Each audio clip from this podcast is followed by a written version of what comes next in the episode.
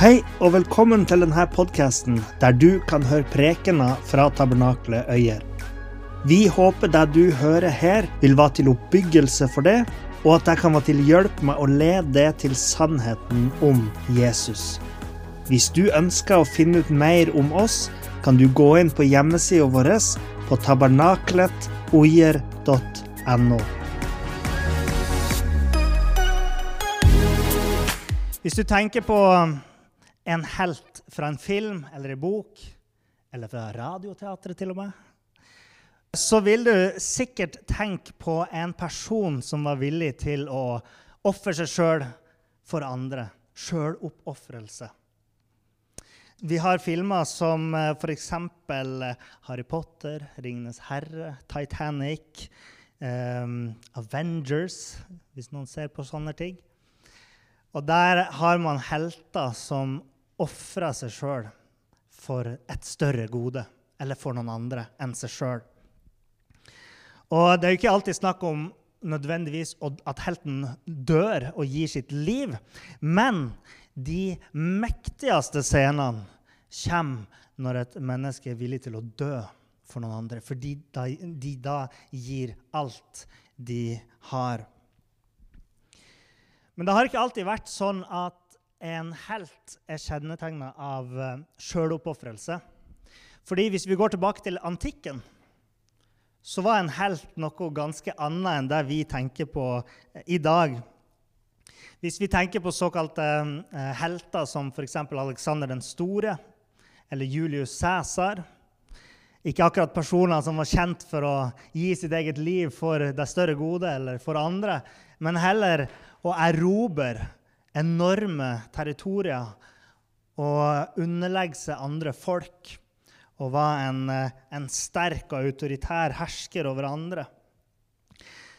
Så hvis en f.eks. gresk hærfører i dag hadde invadert og okkupert hele Midtøsten, eller la oss si en tysk hærfører hadde erobra hele Europa, så hadde grekerne og romerne tenkt på det som en helt. Men i dag så er det ganske annerledes. Det er noe som har forandra seg med helten. Hva er det som gjør at vi i dag tenker at en helt er en som ofrer seg for andre? Hvorfor vil mange nå i dag at Nato skal gripe inn i Ukraina og ofre av, av våre unge menn for å hjelpe de ut av krisen de står i? Jeg tror det er pga. denne mektigste historien noensinne. Pga. fotavtrykket som denne historien har eh, etterlatt seg i Vesten. Historien om hvordan frihet for alle mennesker i verden ble vunnet i svakhet og ydmykhet og i en sjøloppofrende død. Det er historien om påsken, historien om Jesus. Det var ingen som forventa helten på korset. Herskerne og fiendene så Jesu lidelse, og de hånte han, og de lo av han. Hvordan kunne han være en frelser? Han var ingen helt. Ikke bare sa de kristne at Jesus fra Nasaret hadde dødd en ydmykende død på et kors, men at han attpåtil gjorde det for sine fiender. Og det var uforståelig for en romer. Romerne de hørte historien om denne kongen som ble korsfesta som dårskap. Helt høl i huet, som vi sier i vår tid. Uh, han uh, ble sett på som alt annet enn en helt i datidens øyne. Paulus han skrev i brevet sitt til menigheten i Roma i kapittel 5, vers 7. Selv for et rettskaffent menneske vil vel neppe noen gå i døden. Eller kanskje ville noen gjøre det for en som er god. Å gi sitt eget liv for andre, spesielt for sine fiender, var helt utenkelig. Og det er nettopp det Paulus spiller på her, at ja, kanskje noen vil gå i døden for et godt menneske. Kanskje du vil gå i døden for noen som du elsker, men ikke for din fiende. Men så fortsetter Paulus med det hårreisende i denne historien, i vers 8 og videre i vers 10. Men Gud viser sin kjærlighet til oss ved at Kristus døde for oss mens vi ennå var syndere. For mens vi ennå var Guds fiender, ble vi forsonet med ham, Guds sønn. Det sprengte grensene for hva en helt kunne gjøre. Jesus, Guds sønn, han ofra seg sjøl frivillig for det og for meg. Denne historien har endra vår sivilisasjon. Jesus er den, det største mennesket som har levd. Han har blitt kåra til den mest innflytelsesrike personen i historien. Og i dag så er ikke lenger helten, den sterke, mektige erobreren og herskeren som, eh, som hersker med strategi og med undertrykkelse. Men helten er en som ydmykt gir av seg sjøl for andre. Og det er fordi Jesus gjorde det på den måten han gjorde, på korset. Mange, mange fordømmer jo eh, mange av de tingene som kristne har gjort tidligere i historien. Mange fordømmer Mohammed og måten islam begynte. Fordi de ser på handlingene som har blitt gjort, og ser at dette her er ikke godt. Men man kan ikke komme den anklagen mot Jesus. Fordi han var ikke sånn. Vi mennesker vi feiler, vi kristne vi feiler. Og jeg tror ikke på islam heller, så de kan få tale sin egen sak. Men Jesus kan ikke anklages for å være en som, som inntok og erobra med makt. Jesus han sa i Markus kapittel 10, vers 42-45.: Dere vet at de som blir regnet som fyrster over folkene, undertrykker dem, og stormennene deres styrer med hard hånd. Men slik er det ikke blant dere. Den som vil bli stor blant dere, skal være tjeneren deres. Og den som vil være først blant dere, skal være alles slave. For heller ikke menneskesønnen, altså Jesus, er kommet for å la seg tjene, men for selv å tjene og gi sitt liv som løsepenge for mange. En av grunnene til at Jesus ble opphøyd til det høyeste, det var fordi han bøyde seg i det laveste. Han som var Gud, kom som et menneske. Og den som setter seg sjøl sist, skal bli først. Og Jesus gjorde seg sjøl til den minste og ynkeligste da han hang på korset. Du kan se for deg en sånn filmscene der kanskje en familie trues men så kommer det en som, som stiller seg mellom familien og fienden og sier du må gå gjennom meg. Spar de, ta heller med. Og Jesus var den helten. Vi var den familien. Vi var ungene som sto bak ei sterk mor, kanskje, som er villig til å ofre seg sjøl. Ta heller med og spar dem. Der var Jesus for oss. Det var det han gjorde på korset. Han var mellommann mellom mennesker og Gud. Og han eh, stilte seg fram som en, en stedfortreder. Han bytta plass med oss og stilte seg der vi skulle ha stått, som en representant for oss. Og, og lot straffen som egentlig skulle ramme oss, den lot han komme over seg sjøl i stedet for på oss. Du vet, Pga. Uh, vår ondskap Vi mennesker har jo gjort mye dumt, i hvert fall opp gjennom historien. Men hver enkelt av oss har òg gjort syndige ting. Og Gud hadde vært rettferdig sjøl om at han utsletta alle mennesker på jorda. Og jeg vet at det kan være en vanskelig tanke. Men vi er alle syndere, og vi er alle skyldige i ondskap. Men så sier Bibelen at men Gud viser sin kjærlighet for oss ved at Jesus døde for oss mens vi ennå var syndere. På korset ser vi både Guds kjærlighet, men òg hans rettferdighet. Jesus oppfylte rettferdigheten. Ikke bare døde han for vår skyld, men han sjøl var òg uten skyld. Han var det rene lammet som kunne ofres i vårt sted. Den skyldfrie ofra seg sjøl for alle de skyldige. Og på grunn av det så er Jesus den mektigste helten. Det er derfor vi hyller han, og det er derfor vi tilber han, og det er derfor han nå har blitt den mest opphøyde. Dette er den historien som har forandret verden. Den har forandret måten vi tenker om storhet. Hva var fienden som Jesus vant over? Hva var han ofra seg for? Fordi jeg har møtt mennesker som sier jeg, jeg har ikke bedt han om å dø for min skyld. Hva var det han uh, gjorde? Hva var det han ofra seg for? Han vant over synden, han vant over ondskap, han vant over djevelen. Og mitt poeng er å si at vi er alle påvirka av denne fienden. Dette er dine fiender òg. På sett og vis så kan man si at du er din egen fiende fordi du utfører ondskap. Det vil si, du har kanskje løyet, slått, hata. Synden er vår fiende. Det er ei lang rekke med synder i Bibelen.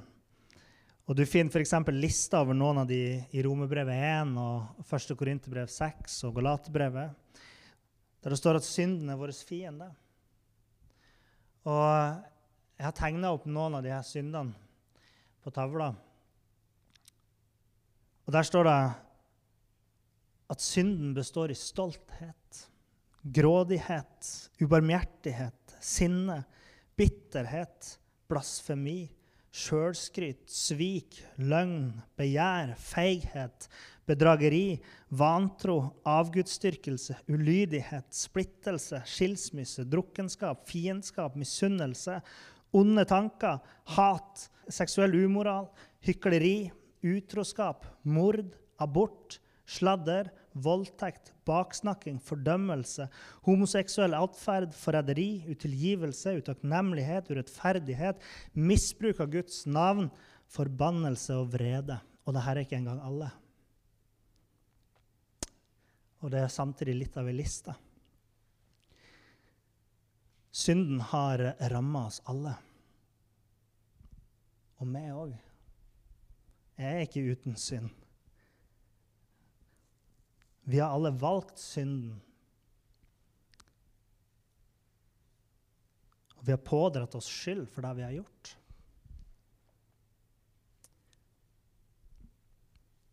Hvis det er noen som her inne som tenker at de er uten synd, så skriver det opp under stolthet. Okay? Men poenget er bare at vi har alle synder. Det er poenget mitt. Kanskje så du en synd som traff det der på den lista i stad.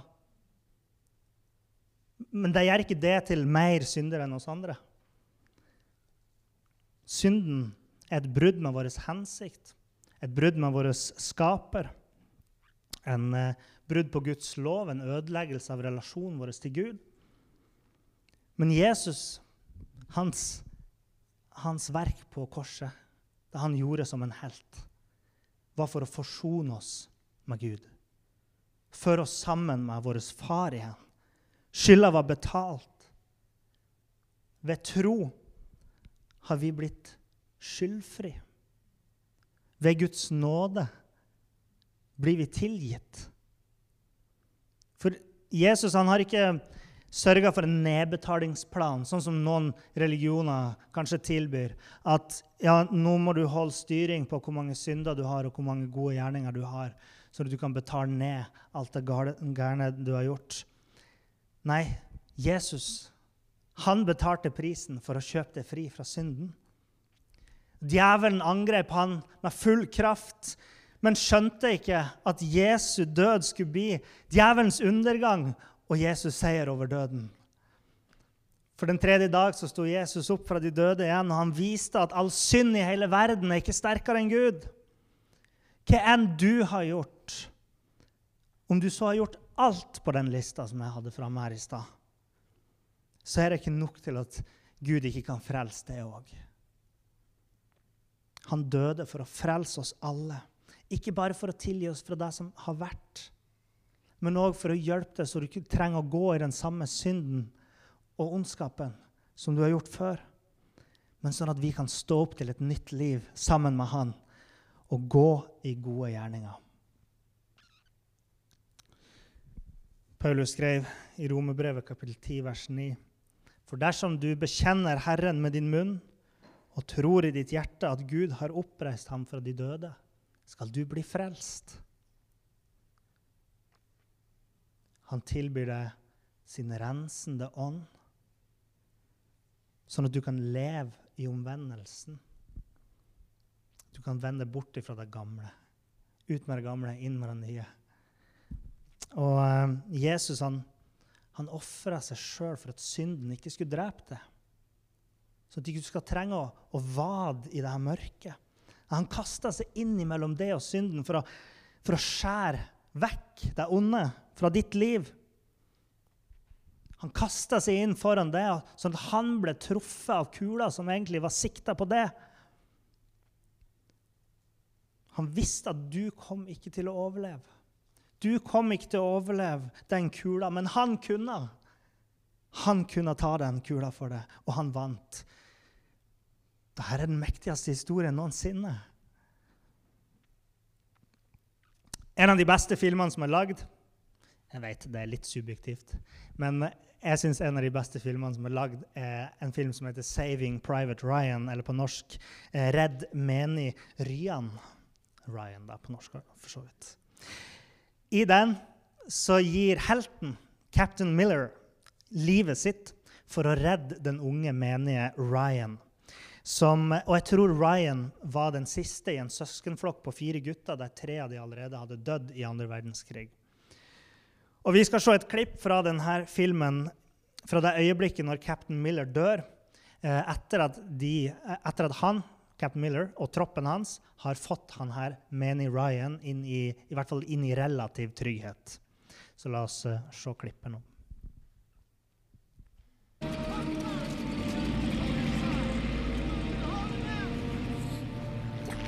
Captain Miller ligger her altså og blir hjulpet. Og Manny Ryan er han som kommer inn i bildet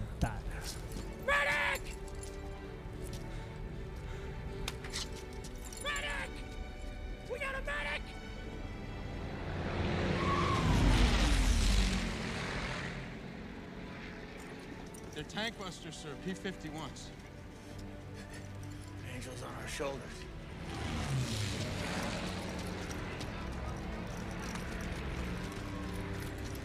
What, sir?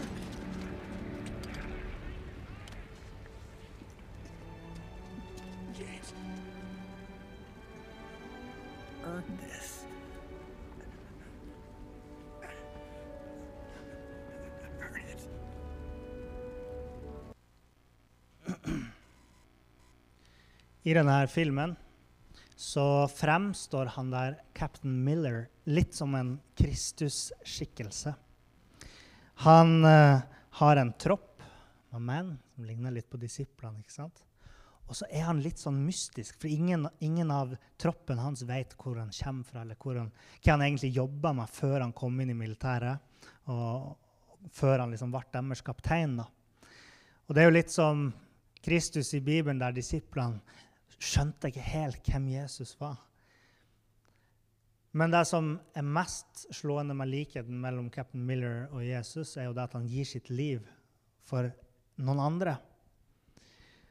Og Selv om filmen eh, ikke er basert på historien om Jesus, i hvert fall ikke direkte, men eh, kanskje indirekte, fordi vår vestlige forståelse av en helt er inspirert av historien om Jesus. Men eh, rett før Miller dør, så sier han til Manny Ryan, som de har nå redda og han har ofra livet sitt for, fortjen det her. Fortjen det. Det er en så enkel måte å si eh, gjør noe bra med livet ditt. Gjør det verdt det. Gjør mitt offer verdt det. Da Jesus døde på korset, så sa han noe viktig. Det er fullbrakt. Det er fullført. Prisen var betalt. Det du skyldte Gud, har Jesus betalt for det. Det er en gave som du kan få, en kvittering fra Jesus på at boten din er betalt. Og Det betyr at når du takker ja til denne gaven, når du takker ja til tilgivelse fra Gud, at du aksepterer at han sto virkelig som din stedfortreder på korset, når du legger din synd over på han, når du legger din skyld over på han, så er du trygg, slik Manny Ryan var brakt inn i trygghet. Vi skal lese fra Efesebrevet kapittel 2, vers 8 og 9. For av nåde er dere frelst ved tro. Det er ikke deres eget verk, men Guds gave. Det er evangeliet. Det er de gode nyhetene. Og så står det i Filippebrevet kapittel 1, vers 27.: Se bare til at dere fører et liv som er Kristus, Kristi evangelium verdig. Og det er nesten som når Captain Miller sier sine siste ord. Fortjener det her. Bare nesten. Det er ikke helt sånn. Fordi Jesus sier ikke nå skal du fortjene din frelse. Men vi skal respondere på det han har gjort for oss, på en riktig måte. Hvordan skal vi takke Gud? Hvordan skal vi respondere på det han har gjort? Jo, omvendelsen skal være din respons. Du vender deg jo til Kristus. Du tar ikke med deg liksom all synden og så ser du, 'Halla, Jesus, se hva jeg har tatt med meg.' 'Den her er fin.' og den Nei. Du legger fra deg det gamle, og så går du til Han. Der, du responderer med denne omvendelsen. Omvendelse fra synden til et liv som er verdig den frelsesgaven som du har fått. Det er i hvert fall sånn alle foreldre ønsker at ungene sine skal svare på sine julegaver og bursdagsgaver. ikke sant? Så sier vi sånn her Å ja, så det her er takken for at jeg kjøpte denne gaven til 1000 kroner. Eh? Så det er jo ønsketenkning for oss foreldre. Men det trenger ikke å være ønsketenkning for, for oss når vi kommer til Gud. Vi, vi vil vel vise han takknemlighet med vårt liv.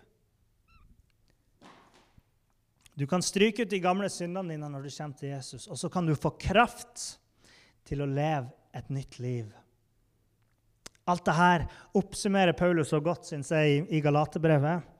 Der han eh, kaller det syndige for kjøttets gjerninger, og han kaller det gode for åndens frukt. La oss lese i Galaterbrevet 5, kapittel 19-24. Kjøttets gjerninger er åpenbare.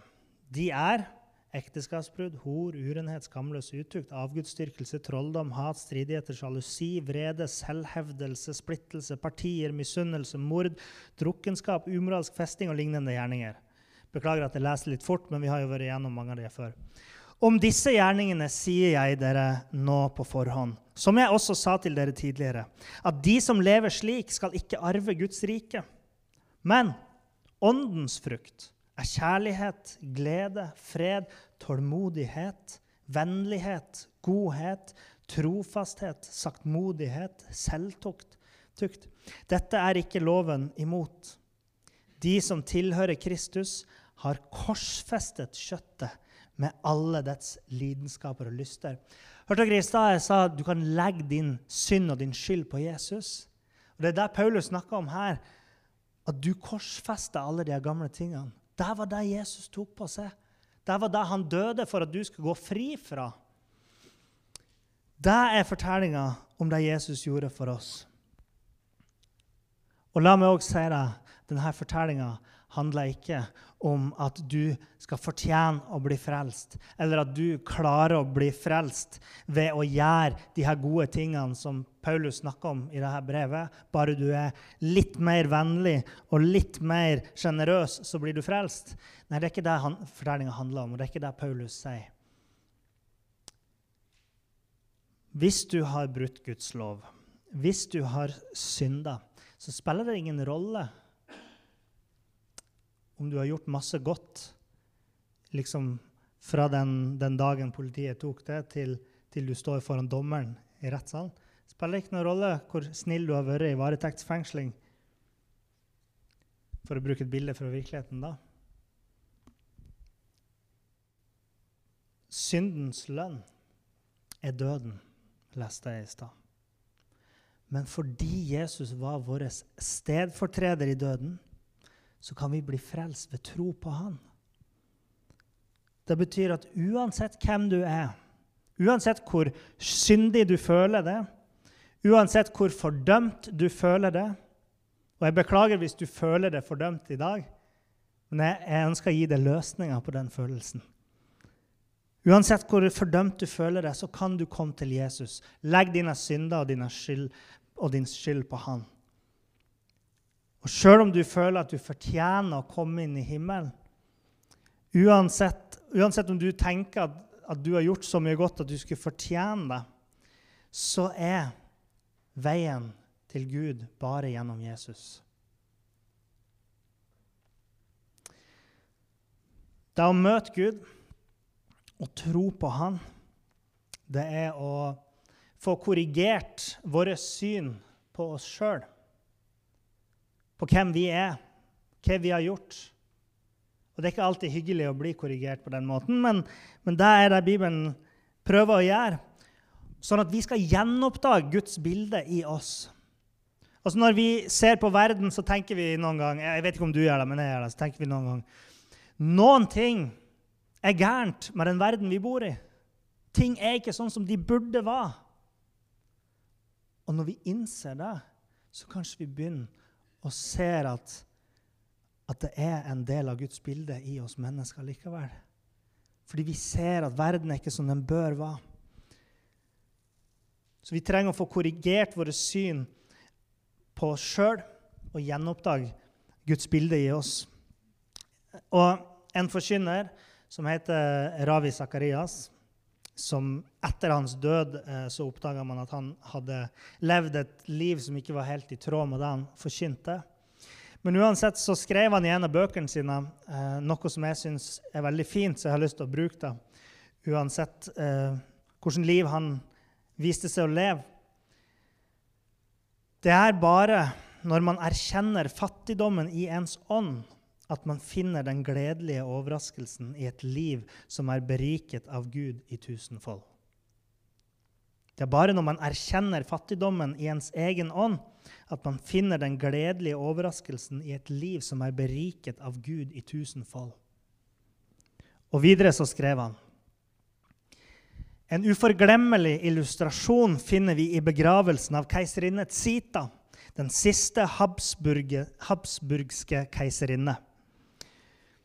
Tusenvis gikk bak kisten hennes, dratt av seks svarte hester. Pro eh, prosesjonen stoppet ved Kapuchin kirke, og der utspilte det seg en langvarig tradisjon. Når en av deltakerne i gravfølget banket på den lukkede kirkedøren, spurte en stemme innenfra. Hvem går der? Titlene ble lest opp høyt. Dronning av Bøhmen, Dalmatia, Kroatia, Slovania, Galicia, dronning av Jerusalem, storhertuginne av Toskana og Krakow. Jeg kjenner ikke henne, sa stemmen fra inne i kirken. Det banket en andre gang, og spørsmålet 'Hvem går der?' ga svaret. Zita, keiserinne av Østerrike og dronning av Ungarn. Da svarte det igjen, 'Jeg kjenner ikke henne'.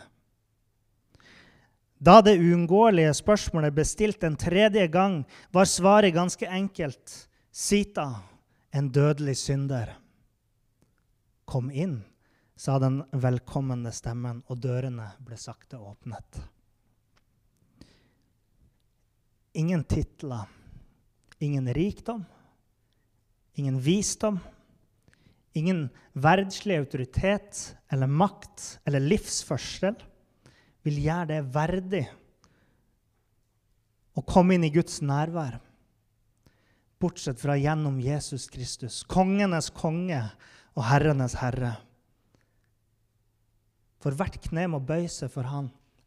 Alle som vil inn til Gud, må bøye seg for Jesus og, og si at han er herre og bøye seg for han som på korset omdefinerte heltene sine historier ved å vise at sann styrke kommer gjennom svakhet, ydmykhet og sjøloppofrelse. Han bøyde seg så lavt, sånn at sjøl de svakeste iblant oss kan legge sine synder på han. For han bøyde seg lavere enn de.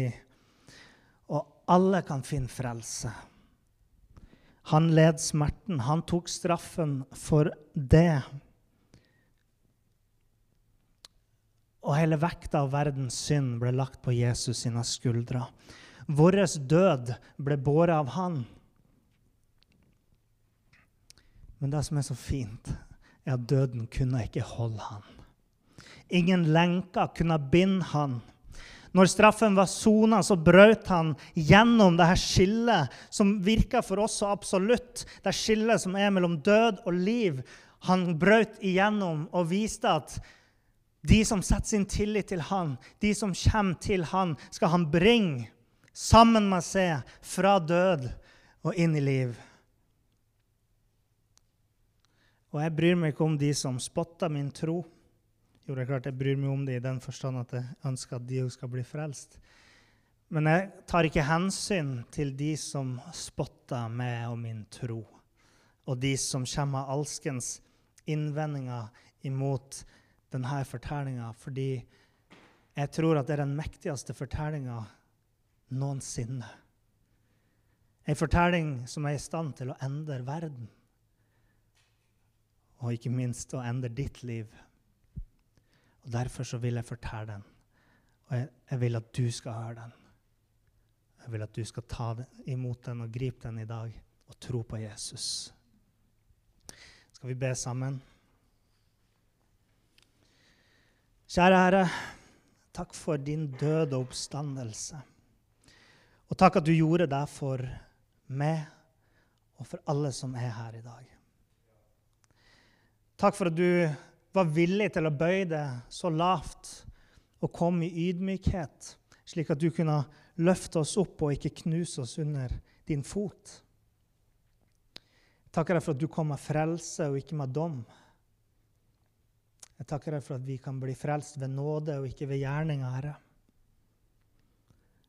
Og jeg ber for hver enkelt som er her i dag, at de skal kunne gå ut her ifra med et uh, eh, oppløfta hjerte, et oppløfta sinn, et håp om det som skjedde i påsken, at det skal, skal løfte inn i evigheten.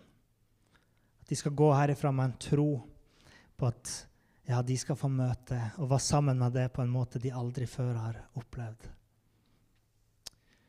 Herre, må du velsigne oss, må du styrke oss og ta imot vår tilbedelse.